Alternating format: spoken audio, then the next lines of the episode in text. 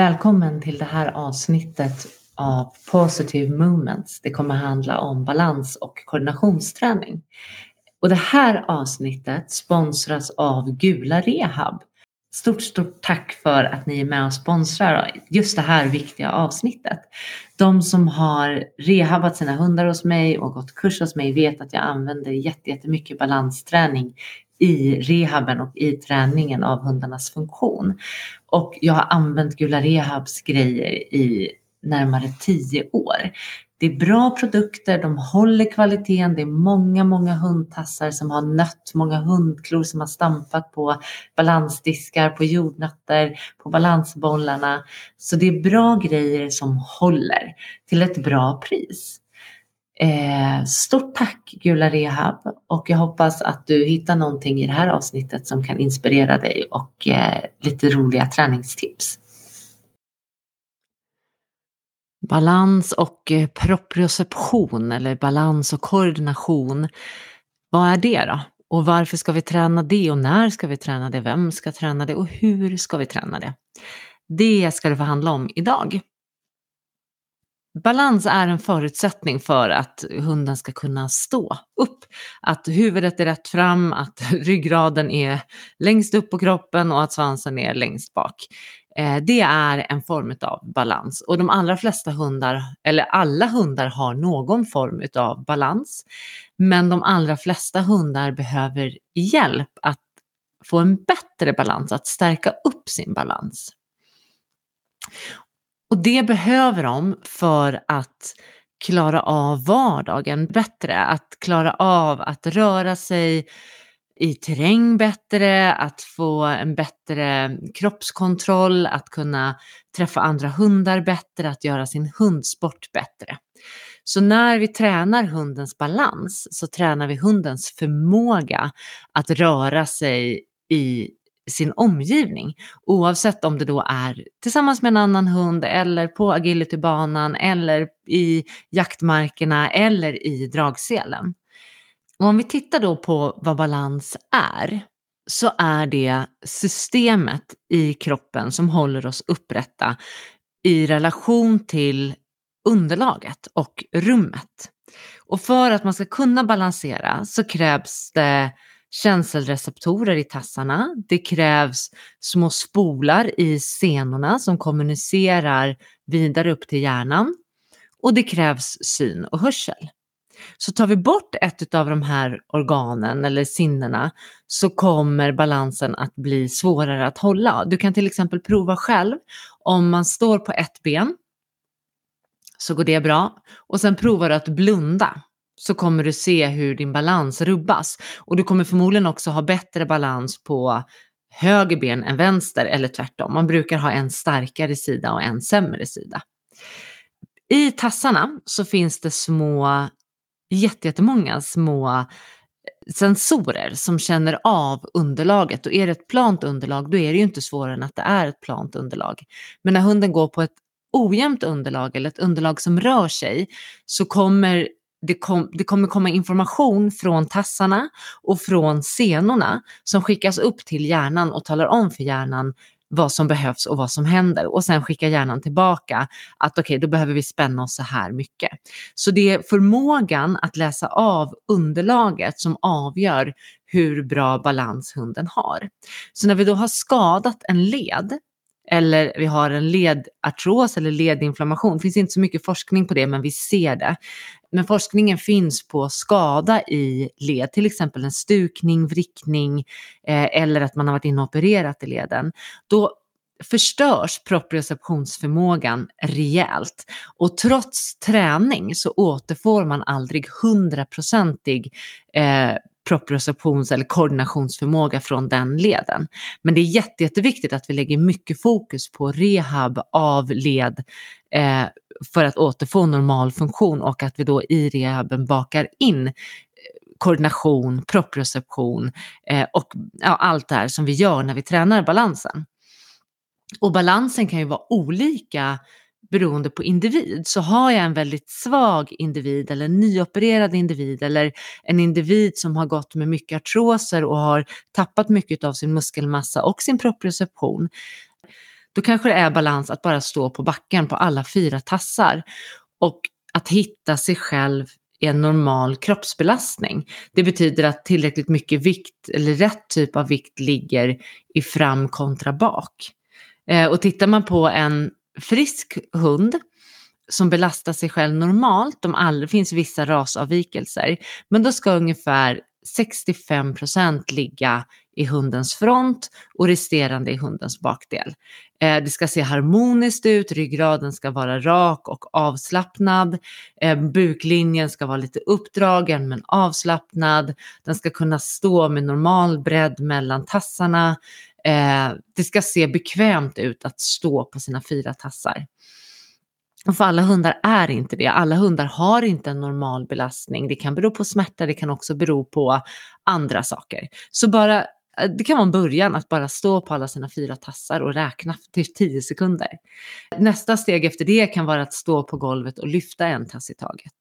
Är det så att man har en hund som är lite starkare än så så kan man prova att göra dessa övningar med balansdiskar eller soffkuddar eller på en skumgummimadrass eller sådär. Så man tar lite det man har, eh, men jag vet att jag har pratat mycket om att ta det du har, du behöver inte köpa massa grejer, men jag vill ändå säga att det blir såklart lite bättre resultat och en bättre och mer kvalitativ träning när vi har utrustning som är framtagen för den här typen av träning. Jag kan länka till lite olika eh, redskap som man kan använda sen. Eh, och det gäller att hitta rätt typ av redskap till rätt typ av hund, rätt storlek. Men vi kommer till det senare. Så balansen och vad som är att utmana balansen och träna balansen är utifrån den hund jag har framför mig. Så fast jag kanske ser jättefina grejer på Instagram och inspireras jättemycket av det, men om min hund inte är där, om den inte har kroppskontroll och balans för att göra de övningarna, då kommer det inte att stärka hunden, då kommer det att sabba mer än vad det ger. Så skynda långsamt, börja från grunden, bygg en stabil och stark grund. Då kommer det bli mycket, mycket lättare att göra allt det där som ser flashigt ut sen.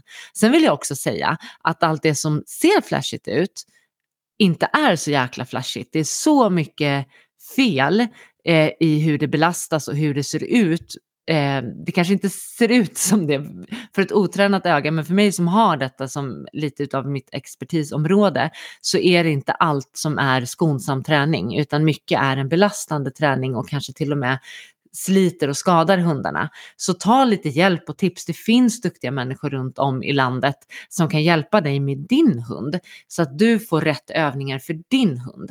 Har vi en hund med till exempel problem i nedre ländryggen, då behöver vi anpassa övningarna så att vi inte belastar och skaver där. Har jag en hund som har problem i fronten, då behöver jag göra övningar som på riktigt stärker fronten och inte gör så att hunden bara hänger i sina leder.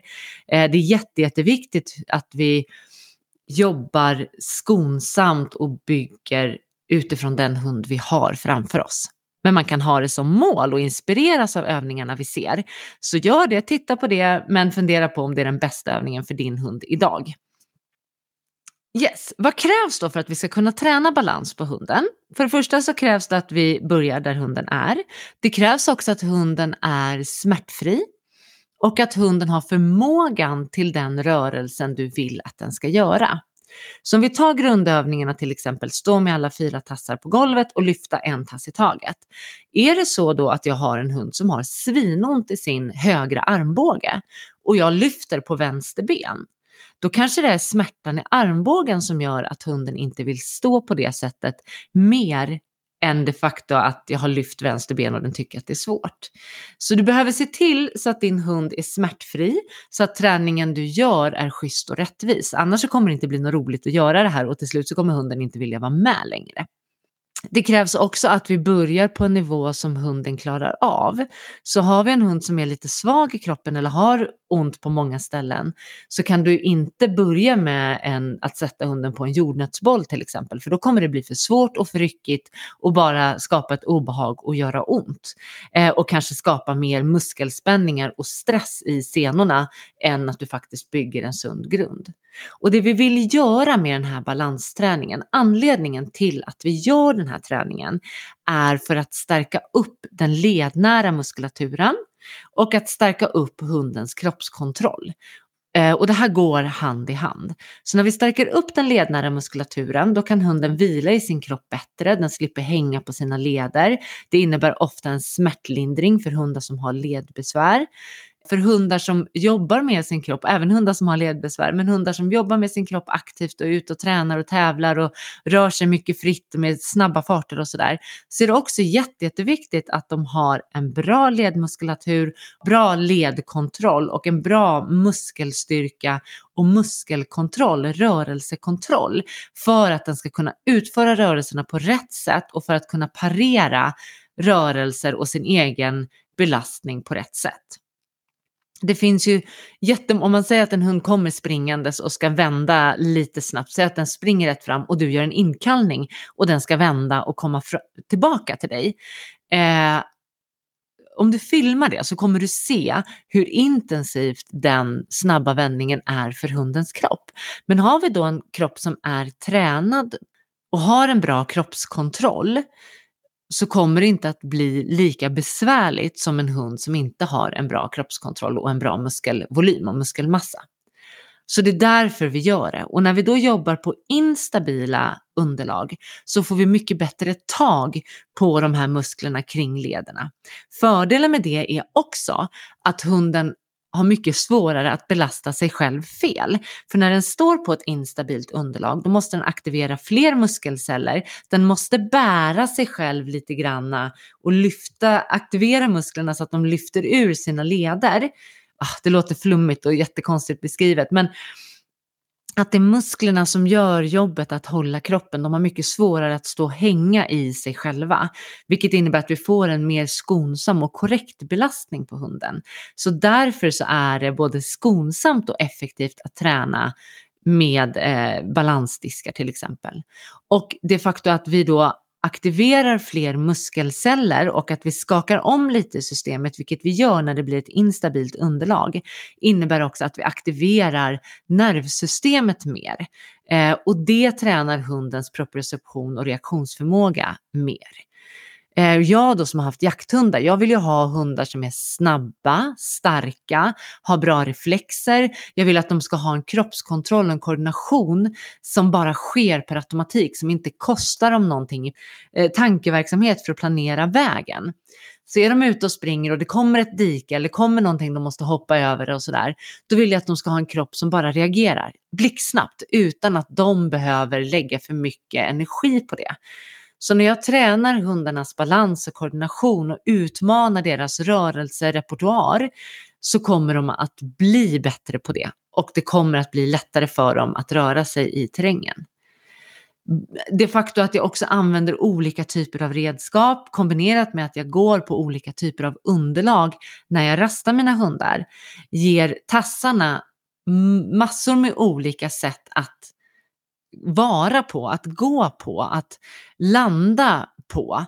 Om jag bara går på asfalt, då får jag ju tassar som vet hur man går på asfalt. Och när jag sen då tar med den här hunden ut i skogen, då kommer systemet i hundens kropp inte veta hur den ska hantera det här ojämna underlaget och risken för att den vrickar sig eh, eller skadar sig eller måste röra sig med försiktighet på ett annat sätt ökar. Så när jag tränar hundarna så vill jag att de ska ha en bred rörelserepertoar ända nerifrån tassarna och hela vägen upp till bål och rygg. Eh, har vi en agilityhund till exempel så finns det ett stort värde i att träna landning och upphopp på andra ställen än bara på gräsmattan för att öka rörelserepertoaren. Det innebär också att jag ökar hundens koordination och rörelseförmåga, balans, eh, proprioception, allting sånt förbättras när jag förändrar och varierar rörelsen för hunden. Så försök tänka brett, det är bara fantasin som sätter gränser.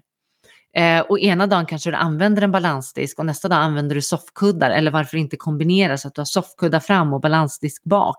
Kanske hittar du en luftmadrass på en loppis, köp den och så kan man gå på luftmadrass. Man kan leka inte nudda golv inne en regnig dag och låta hunden gå på alla möblerna. Det, det, kan vara mer eller mindre uppskattat av ägare, men hundarna tycker att det är superkul. Så gör en bana av soffbord, pallar, stolar, soffor, eh, allt du kan hitta som hunden kan gå på och gör det långsamt. Många saker är mycket, mycket svårare att göra långsamt. Eh, och när de gör det långsamt så krävs en större kroppskontroll än när man bara rusar igenom någonting fort. Då brukar man klara sig på lite tur. Ehm, vi kan använda stenrösen ute, vi kan använda omkullfallna träd ute, vi kan använda stockar, stenar. Det kan vara att bara kliva upp på någonting och sen kontrollera att kliva ner igen. Det är också ett sätt att träna kroppskontroll och rörelsekontroll. Och det man kan tänka på här då, om jag har en hund som har besvär i sin front, då i alla fall i början vill jag undvika övningar där mycket av hundens kroppsvikt hamnar i fronten. Eh, då vill jag göra övningar där den har samma nivå på fram och bakben eller att bakbenen är lite lägre än frambenen. Så om vi till exempel då har en stubbe så kanske jag gör övningar där hunden står med baktassarna i marken och framtassarna på stubben. För då kan jag ändå träna, jag kan jobba lite med att locka hunden åt olika håll för att träna och få in vikten i fronten. Men all kroppsvikt är inte där fram utan det mesta hamnar bak. Och vice versa då. Det vi behöver ha koll på om baktassarna är på stubben och framtassarna i backen, det är att det är jätteviktigt med ergonomin här. Vi får bort mycket vikt från bakdelen, mycket vikt hamnar i fronten. Men matar jag för högt upp så att hunden måste titta väldigt mycket uppåt med huvudet för att nå godisen så kommer jag få en ogynnsam belastning i nacke och rygg. Så tänk på att mata neråt så att du följer liksom rygglinjen ner med hundens nos där du håller godisen. Eh, har vi en hund som har problem med höfter och LGS så behöver vi vara försiktiga med att göra övningar där vi har väldigt stor öppning i höften. Om vi då till exempel kommer tillbaka till att baktassan är på backen och framtassar på en stubbe så ska stubben inte vara för hög. Det är inte gynnsamt utan det är bättre att ha en lägre stubbe och sen i så fall försöka skjuta bak vikten lite så att hunden hamnar med mer vikt i bakdelen så att vi aktiverar musklerna istället för att bara belasta med vikt eh, och tyngd. För där har vi sett att det, det, blir inte så himla bra för de här hundarna som har ländryggsbesvär och höftbesvär. Utan övningen är väldigt bra och effektiv när den görs rätt, men inte om, den, om det är för stor öppning i höftleden. Alltså för hög för högt avstånd mellan baktassar och framtassar, att framtassarna kommer för högt upp. Så hellre så att du funderar på om det verkligen är värt det, att det är så lågt och att du jobbar med vikten framåt och bakåt, än att du har för, för, för mycket avstånd, för mycket höjd under frambenen. Den här typen av koordination och balansträning är gynnsam för alla hundar oavsett vad du gör med din hund. Och det roliga med det är ju också att du kan använda det i den hundsport du gör. Så som jag nämnde innan, har en agility-hund, på hur många olika sätt kan du använda terräng och balans för att försöka efterlikna agility-momenten? Ta dig upp och ner för en stubbe eller en stock kontrollerat men även träna upphopp, att landa på olika sätt. Eh, att gå balans är jätte, jätteviktigt för agilityhundarna. Du kan hitta eh, pinnar i skogen och gå slalom eh, på det. Eh, du kan använda balansdiskar och låta en hund trampa så att du har en balansdisk under varje framtass och låta den liksom trampa från höger och vänster tass. Eh, ja, det är fantasin som sätter gränser, men försök se de momenten du gör på tävlingsplanen. Hur kan du göra det med hjälp av terräng, natur och balansdiskar? Och likaså om vi tar en hund som jobbar mycket med drag. Vi har ju snön som kommer, man kanske åker skidor eller så har man barmarksdraget. Sätt på hunden en sele och låt den gå, bara gå sakta i terräng, lyfta på benen och jobba med sin vikt framåt, att jobba med draget men i oländig terräng. Kanske hunden kan vara på en stock om den är bra på att gå balansgång på stockar. Sätt på selen och lägg ett litet, litet motdrag i det eh, så att den får jobba med sin balans när den går på stockar. Kanske kan du gå över en stenmur med lite drag i eller att låta den försiktigt ta sig upp för en sten med lite, lite motstånd i dragselen. Så att vi utmanar balansen och förmågan att dra, men i ett större perspektiv. Eh, och det här gäller ju hundar som ska bära mycket apport. Kan vi ta med oss en apport in i balansträningen? Kan den få gå på en stock och bära en apport samtidigt? Kan den ta sig upp och ner för en sten eller en stubbe med en apport i munnen? Kan den gå i oländig terräng länge med en apport i munnen? Eh, hur, på hur många olika sätt kan din hund bära sin apport? Eh, och jag hade tyckt det var så himla roligt om du vill dela med dig av din kreativa träning. Så jag föreslår att gör det du gör och lägg upp det på sociala medier och skriv hashtag positive movements så får jag se eh, och, och, vara med på din träningsresa för det är så fantastiskt roligt och jag vet att det finns så otroligt mycket kreativa hundägare och hundtränare och jag ser fram emot att, att se vad ni delar och vad ni hittar på med era hundar. Gå i djupsnö med draglina, eh, gå i djupsnö med en apport, gå i djupsnö eh, med en klövjeväska, träna spurt i djupsnö, träna allt som du tränar i vanliga fall. Kan du göra det på ett annat sätt? Kan du göra det utanför eh, brukshundsplanen eller agilityplanen eller utanför spannet eller bortanför från cykeln eller hur du nu eh, brukar träna. Dela med dig. Eh, och varför använder vi då så himla mycket balansdiskar när vi tränar? Det är av några enkla anledningar. Dels så är det väldigt effektivt. Eh, vi jobbar med ett instabilt underlag. Ehm, Hunden har gott om plats när vi väljer en bra balansdisk för hunden. Och här gäller det att välja en disk som är tillräckligt stor. Så vi vill ha en disk som hunden har gott om plats på. Och för de allra flesta hundar som är i, om man tänker från eh, cocker spaniel, springer spaniel och uppåt så är en disk som jag använder är från Gula Rehab eh, och den är 55 cm i diameter. Har du en mindre hund så har de diskar som är 39 cm i diameter och det är liksom ett standardmått som du kan hitta egentligen på vilken sportaffär som helst. Men jag lägger länkar till de här i beskrivningen så kan du kika närmare på det. Sen använder jag även lite mindre diskar. Eh, och här kan man ha lite olika storlekar beroende på vilken hund man har. Men för de hundarna som använder den här 55 cm i diameter så använder jag diskar som är, vad kan de vara, 15 cm i diameter, ish. Eh, under, under en tass, alltså så att jag har en disk under varje tass. Så jag har fyra diskar då till exempel, eller två diskar och har en under varje framtass. Lite beroende på vad jag vill träna.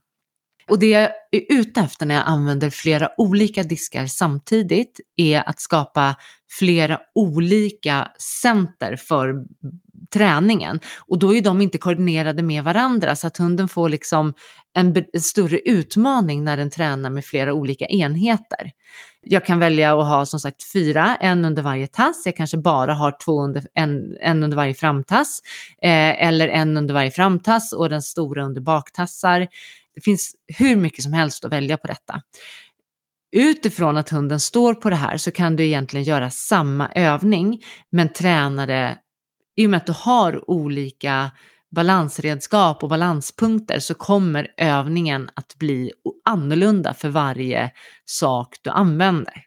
Så säg att du först står på golvet med alla fyra tassar och bara står där med rätt viktbelastning och viktfördelning 10 sekunder. Sen ställer du hunden med framtassarna på balansdiskar i 10 sekunder. Sen ställer du framtassar på balansdiskar, bakdisk, äh, baktassar på en stor disk i 10 sekunder. Sen byter du så att framtassarna är på den stora disken och baktassarna är på varsin liten balansdisk 10 sekunder. Då har du liksom gjort väldigt många, nu tappar jag räkningen, men fyra övningar i alla fall fast du har gjort samma övning. Och sen börjar du om, eller tassarna på golvet, lyft en framtass, lyft den andra framtassen, en baktass och den andra baktassen. Och det som är viktigt när vi lyfter tassarna här, det är att hunden lägger vikten och belastningen i sin egen kropp. Så att du inte är ute efter att hunden ska tappa balansen, utan lyfter jag till exempel höger framtass, då gör jag det så tydligt och långsamt så att hunden hinner parera och lägga vikten i, sin andra, i sina andra ben. Eh, och här kommer det naturligt skjuta bak vikten lite grann så att det kommer lite mer vikt i bakdelen och det är inte dåligt. Då kommer vi in och jobbar lite med bålmuskulaturen och sådär så att det är bara det är bara positivt. Och sen så att du byter. Håll 10, 15, 7 sekunder, det är lite beroende på vad du har för hund. Och samma med baktassarna sen. Eh, en tass i taget och var noga med att inte lyfta tassarna ut från kroppen utan in mot kroppen i så fall, eller bara rätt upp. Och de behöver inte komma upp högt från backen. Det är inte det som är övningen, utan övningen är att den ska hitta in i sina ben som den har i backen eller på golvet och hitta balansen i det. Sen tar du diskar av olika varianter och gör samma övning. Så säg att du har framtassar på diskar, baktassar på backen. Lyft en tass i taget, gå igenom hela, alla fyra tassar. Sen tar du framtassar på diskar, baktassar på en stor orange, lyft en tass i taget. Och så fortsätter det så tills eh, orken tar slut. Det fina med det här är att vi jobbar ganska kort men effektivt. Så det räcker med några minuters balansträning, gärna varje dag eller två gånger om dagen. Eh, och du får snabbt resultat på detta. Det finns inget värde i att jobba för länge, för då kommer kroppen bli trött, musklerna blir trötta och du kommer istället få en, en träning där hunden felbelastar sig och då kommer du inte bygga de musklerna som du är ute efter att bygga. Så jobba hellre kort och kvalitativt och eh, flera gånger i veckan än en gång länge och bara en till två gånger i veckan. Och när du sen ska ut och göra de här övningarna i skog och mark, det är ju fantastiskt roligt. Eh, det krävs lite eh, kreativitet från, från djurägarens sida. Men ta det du har, lyft blicken, leta efter saker i skogen, prova er fram och se vad din hund, vad som passar, hur stora stockar din hund behöver ha, hur stora stenar eller eh, stubbar din hund behöver ha. Det kanske är så att du har en jättestor hund som är jättedålig på balans och då kanske man får börja på en parkbänk. Hjälp den att komma upp, lyft upp den, eh, bara stå där, prova gå ett eller två steg och sen tar du försiktigt ner igen. Och så gör du om det tills din hund känner att så här, parkbänkar, piece of cake. Och så kommer de bli starkare och modigare och bättre. Och sen behöver du minska utrymmet så att en parkbänk inte är piece of cake längre utan du hittar en stock istället eller sådär. Och har du en liten hund då kommer det inte hända någonting med balansen om du går på en parkbänk. Då behöver du ju hitta en mindre yta. Så en yta som är begränsad för den hund du har innebär att hunden kommer träna sin koordination och balans.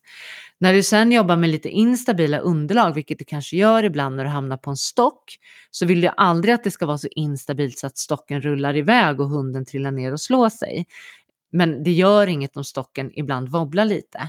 Men är du ny och ska introducera den här typen av träning på din hund, då måste stocken vara stabil och tillräckligt bred. Och börja med att lära hunden att man går alltid kontrollerat upp. Ofta så finns det en rotvälta eller att de lär sig att sätta upp framtassarna och att du kan liksom lyfta upp rumpan och föra upp hunden. Ha gärna en sele på hunden så att du kan hålla som ett litet stöd till att börja med så att hunden får stå still på stocken och hitta balansen i sig själv.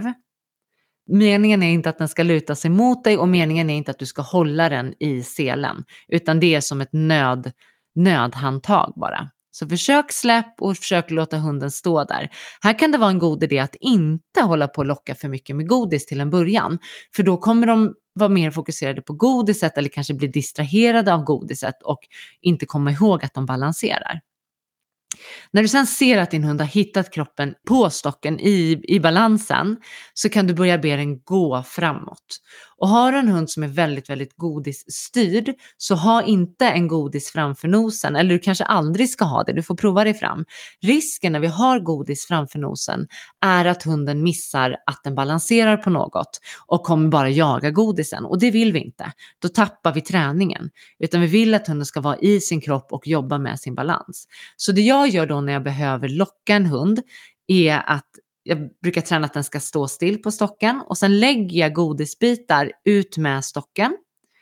Eh, och sen går jag tillbaka till hunden, har ett beredd hand vid selen och sen säger jag varsågod. Det innebär också då att den kommer behöva stanna för att ta godisen på vägen. Det är väldigt svårt för balansen, speciellt i början, att föra ner huvudet och stå och hålla kvar fast man ska ta godis och så. Så ha en liten säkerhetshand redo.